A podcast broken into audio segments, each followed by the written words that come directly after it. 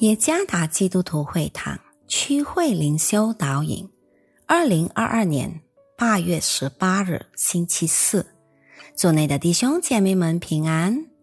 今天的灵修导引，我们将会借着圣经马太福音第六章第八节和哥林多后书第九章第八节来思想今天的主题：别忧郁，上帝满足需求。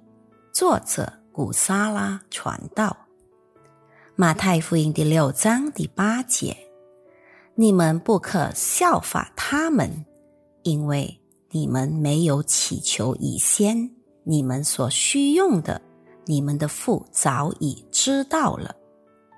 哥林多后书第九章第八节：神能将各样的恩惠多多的加给你们。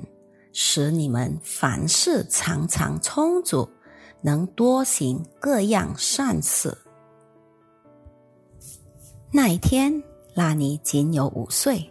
他放学回家时，哭着回家，因为他在学校的食堂里买不到他想要的一盒牛奶。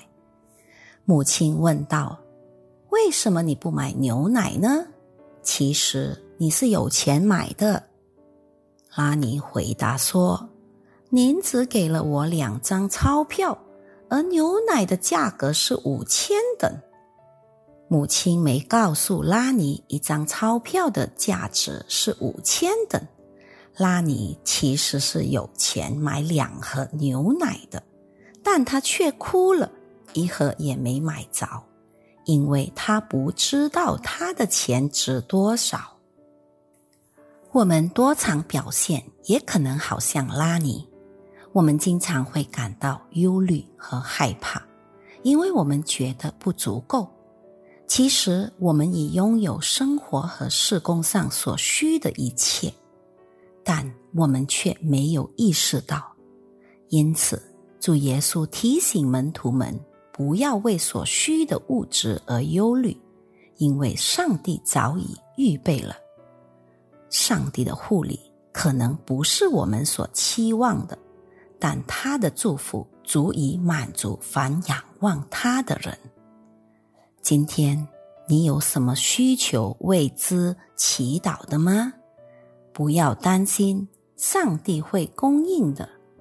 以感谢和荣耀上帝来祈求上帝赐智慧，使我们意识到我们已领受了。上帝的护理，停止忧虑，开始信靠上帝，那更为有价值。